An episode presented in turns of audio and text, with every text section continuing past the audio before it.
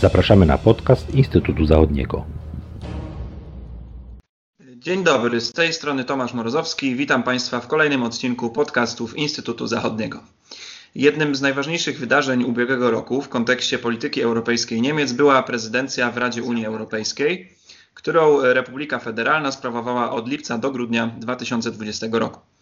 E, przypadła ona na bardzo trudny czas pełen wyzwań dla Unii Europejskiej, nie tylko związanych z pandemią COVID-19 i jej skutkami gospodarczymi, e, ale również w kontekście polityki wewnętrznej Unii Europejskiej, kwestie takie jak Brexit, negocjacje wieloletnich ram finansowych, e, czy też Zielony Ład oraz w polityce zagranicznej, tutaj na przykład relacje z Chinami czy zmiana władzy w Stanach Zjednoczonych.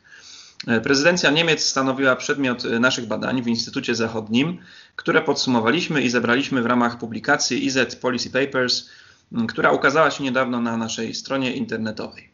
I właśnie o tej publikacji i o bilansie niemieckiej prezydencji porozmawiam dziś z panią profesor Jadwigą Kiwerską, która kierowała pracami zespołu przygotowującego ten tekst. Dzień dobry pani profesor. Dzień dobry panu, dzień dobry państwu. E, na początek e, proszę powiedzieć, jaki jest e, zakres tematyczny publikacji, to znaczy jakie obszary niemieckiej prezydencji stanowiły tutaj przedmiot zainteresowań, no i może które z nich moglibyśmy uznać za najważniejsze. Zakres tematyczny określiły Niemcy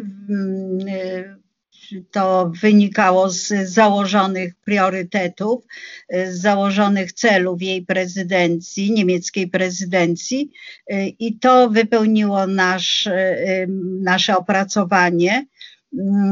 To, co chciałabym podkreślić, Pan o tym wspomniał, że czas prezydencji niemieckiej przypadł na bardzo trudne miesiące związane z pandemią i jej konsekwencjami. E, ale mimo tego trzeba przyznać, że priorytety niemieckie wcześniej założone, zanim wybuchła pandemia, w tych generalnych ramach się nie zmieniły. Może uległy trochę weryfikacji czy poszerzeniu, ale zachowano to, co najważniejsze i temu właśnie poświęciliśmy nasz materiał, nasz IZ Policy Papers, wychodząc z założenia, że no, to odda najlepiej obraz zaangażowania Niemiec i charakter ich prezydencji. I niewątpliwie najważniejszym zadaniem było wypracowanie wieloletnich ram finansowych. Mm, to było główne zadanie niemieckie, ale y, do tego doszła sprawa mm, konsekwencji pandemii dla sytuacji gospodarczej w Europie i mm, przy okazji wypracowanie tego instrumentu odbudowy Next Generation, y, co w sumie myślę, że y, uzyskanie mm, konsensusu e, w tych dwóch e, kwestiach, w tych dwóch bardzo ważnych tematach, e, to jedno z najważniejszych osiągnięć prezydencji niemieckiej.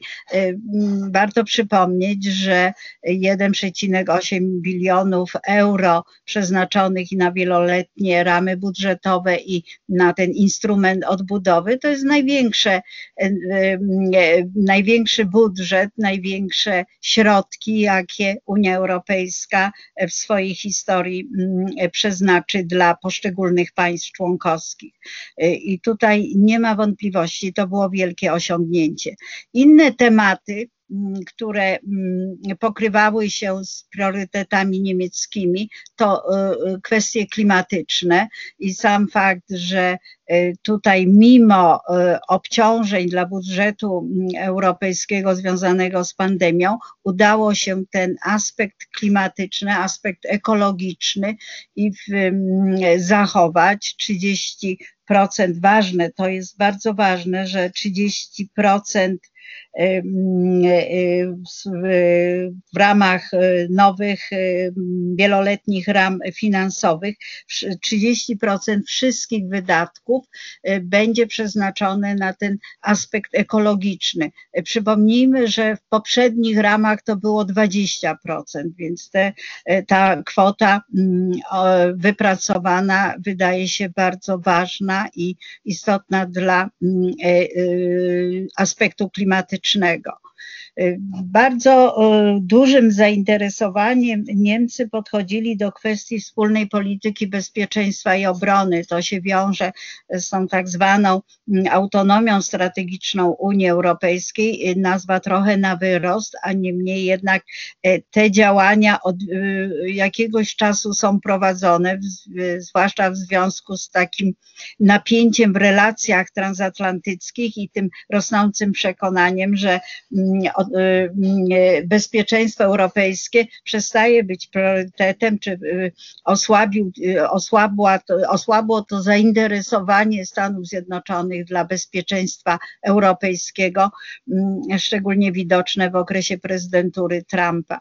Więc tutaj pewne podjęte działania, przynajmniej prace nad takim wspólną polityką strategiczną Unii Europejskiej, ale też pewne osiągnięcia w zakresie PESCO, wypracowanie porozumienia, mm, e, które będzie można zawierać z państwami trzecimi, jeśli chodzi o te projekty w ramach PESCO, to, to jednak jest bardzo ważne i wzmacnia e, e, to bezpieczeństwo europejskie, jakkolwiek miejmy tego świadomość, ono będzie uzależnione od Stanów Zjednoczonych, od stanu stosunków z USA.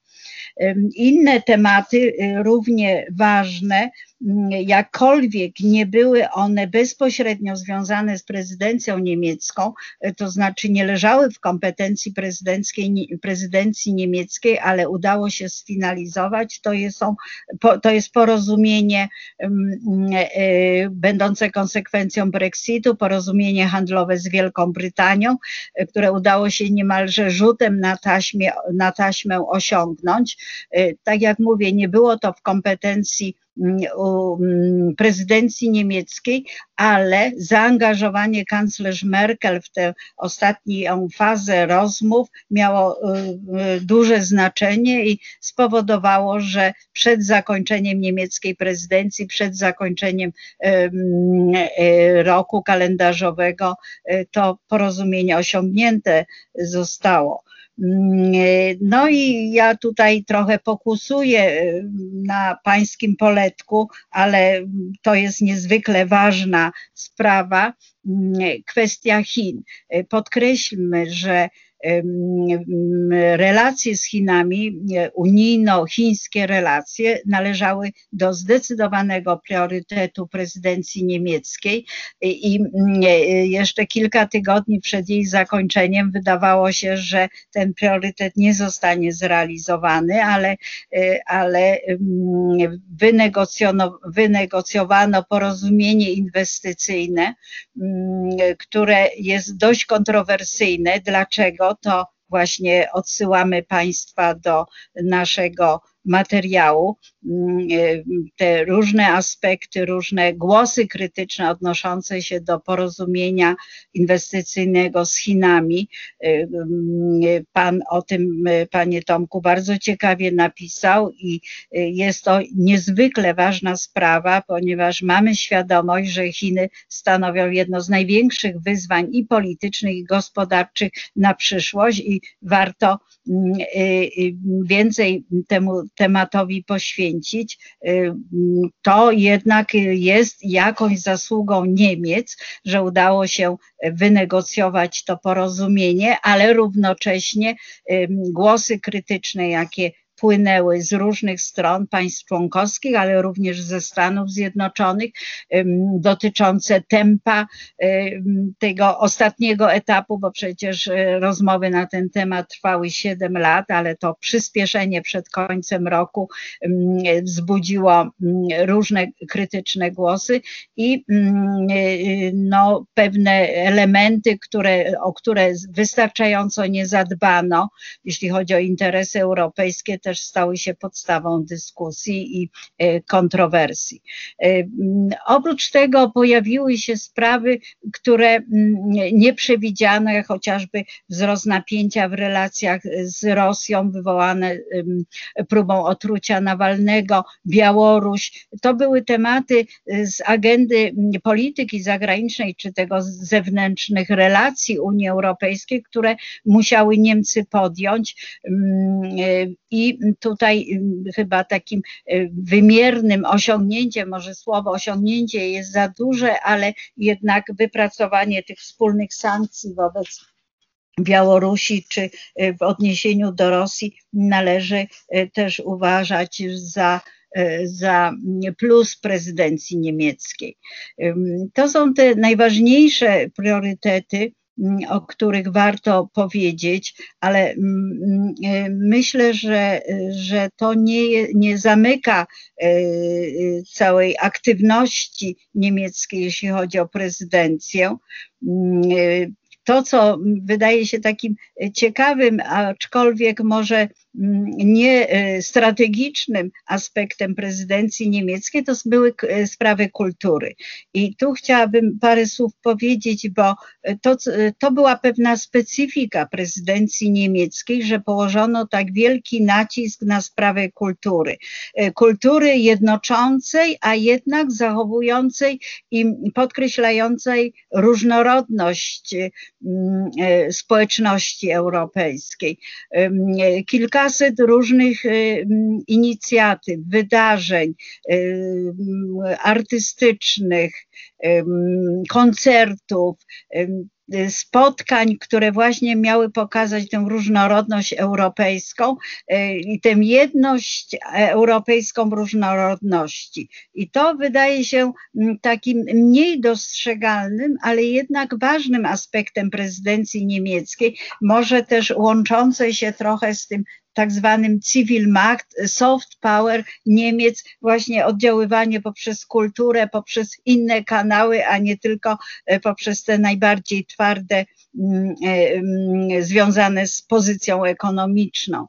E, także to wydaje się ciekawe i zawarliśmy to w naszym opracowaniu, pokazując, że w ten sposób też Niemcy chciały mm, jakby zaznaczyć tę swoją rolę i rangę właśnie na tym polu soft power.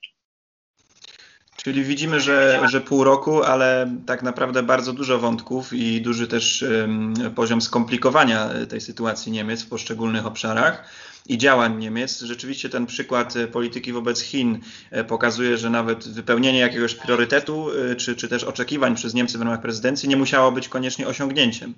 E, bo mogło wywoływać mieszane, mieszane oceny. To oczywiście jest temat na, na osobną e, być może dyskusję, ale e, idąc dalej tym, tym tokiem, chciałem dopytać o to, czy bilansując właśnie tą prezydencję, udało się w publikacji dokonać jakiejś oceny, czyli takiej ogólnej, całościowej oceny tej prezydencji. Czy ona wypadałaby pozytywnie, czy w ogóle taki bilans udało się tutaj stworzyć?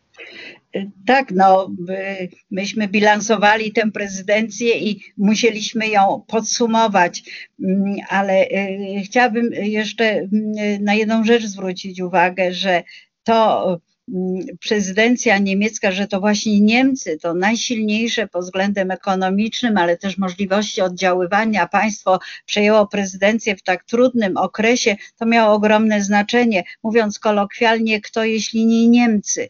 Więc y, patrząc z tej perspektywy, możemy powiedzieć, że Niemcy w dużej mierze oczekiwania mm, spełniły, jeśli chodzi o prezydencję. Mm, y, no tutaj powtórzę jednak wypracowanie tych wieloletnich ram budżetowych i tego instrumentu odbudowy, biorąc pod uwagę różne stanowiska, różne spojrzenie na wysokość tego budżetu, y, czy zakładane weto Y, zapowiadane weto Polski i Węgier wobec tego kwestii praworządności, ale mimo tego udało się to wypracować, było wielkim sukcesem.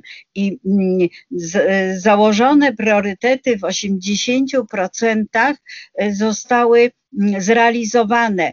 Czy do końca optymalne? No nie ma sytuacji idealnych i doskonałych, więc na pewno nie było to optymalne, chociażby właśnie to porozumienie z e, Chinami e, ale jednak wiele tych najważniejszych elementów zrealizowano choć nie osiągnięto czegoś, czy nie zajęto się nawet problemem, o którym na początku, czy tuż przed prezydencją mówiła Merkel, zapowiadając, że właśnie pandemia i jej konsekwencje są doskonałym, e, doskonałą okazją, aby próbować dokon, e, dokonać pewnych reform w funkcjonowaniu Unii Europejskiej, w większym scaleniu, większej solidarności.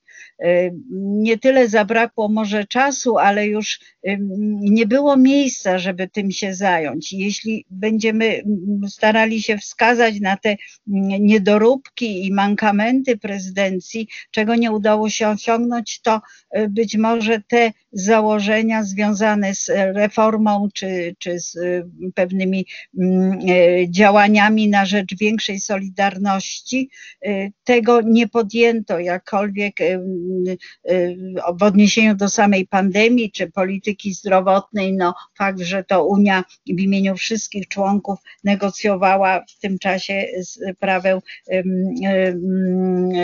szczepionek. Jedni to uważali za dobrą rzecz, inni może dzisiaj krytykują, ale wydaje się, że jednak państwa Unii Europejskiej na tym wyszły dobrze, ale to nie było domeną prezydencji, to było domeną Komisji Europejskiej. Może są jeszcze pewne rzeczy, których nie podjęto, zwłaszcza z zakresu zewnętrznych relacji Unii Europejskiej, ale Wydaje się, że zadanie, mm, te zadania, które spadły na Niemcy, czy które oni przyjęli jako swoje e, priorytety, były ogromne i w dużej mierze zostały zrealizowane. Także e, myślę, że nasz, z naszych opracowań, z naszych wniosków, które wysnuliśmy, prowadząc bardzo wnikliwą obserwację sześciu miesięcy prezydencji niemieckiej, e, jednak wniosek ten, generalny jest pozytywny, że udało się to, co najważniejsze, osiągnąć. Być może Niemcy zakładali, że będzie, zakładały, że będzie więcej sukcesów, ale ale y, y, to jednak jest bardzo pozytywne. Możemy powiedzieć, no, Niemcy jako, Niemcy jako silne państwo wpływowe miały te instrumenty, które pozwoliły im, czy tą moc oddziaływania, która pozwoliła im te y, założone cele zrealizować. Ale tak już na koniec podkreślmy, że Niemcy bardzo z takim dużym zaangażowaniem E, podeszli do swojej prezydencji sam fakt, że zwiększono przedstawicielstwo Niemiec w Brukseli o e, ponad 150 urzędników, to przedstawicielstwo rozrosło się do 400 osób. E, to pokazuje, że niemalże każdy resort miał swoich licznych przedstawicieli w Brukseli, żeby na tych różnych płaszczyznach mogli realizować założone cele. W wydaje się, że, że jednak Niemcy tutaj y, z dużym zaangażowaniem realizowali swoją prezydencję. A jej detalom i, i, szczegółowym, y, szczegółowym sposobom działania Niemiec w trakcie prezydencji przyglądamy się w naszej publikacji IZ Policy Papers pod tytułem Bilans prezydencji Niemiec w Radzie Unii Europejskiej. Zapraszamy na stronę internetową Instytutu Zachodniego, tam ta publikacja jest dostępna. E, do pobierania i e, zapraszamy Państwa do lektury. E, pani profesor, bardzo dziękuję za rozmowę. Dziękuję bardzo. Zapraszam Państwa też do śledzenia dalej naszej strony internetowej i słuchania kolejnych podcastów Instytutu Zachodniego. Do usłyszenia. Do usłyszenia.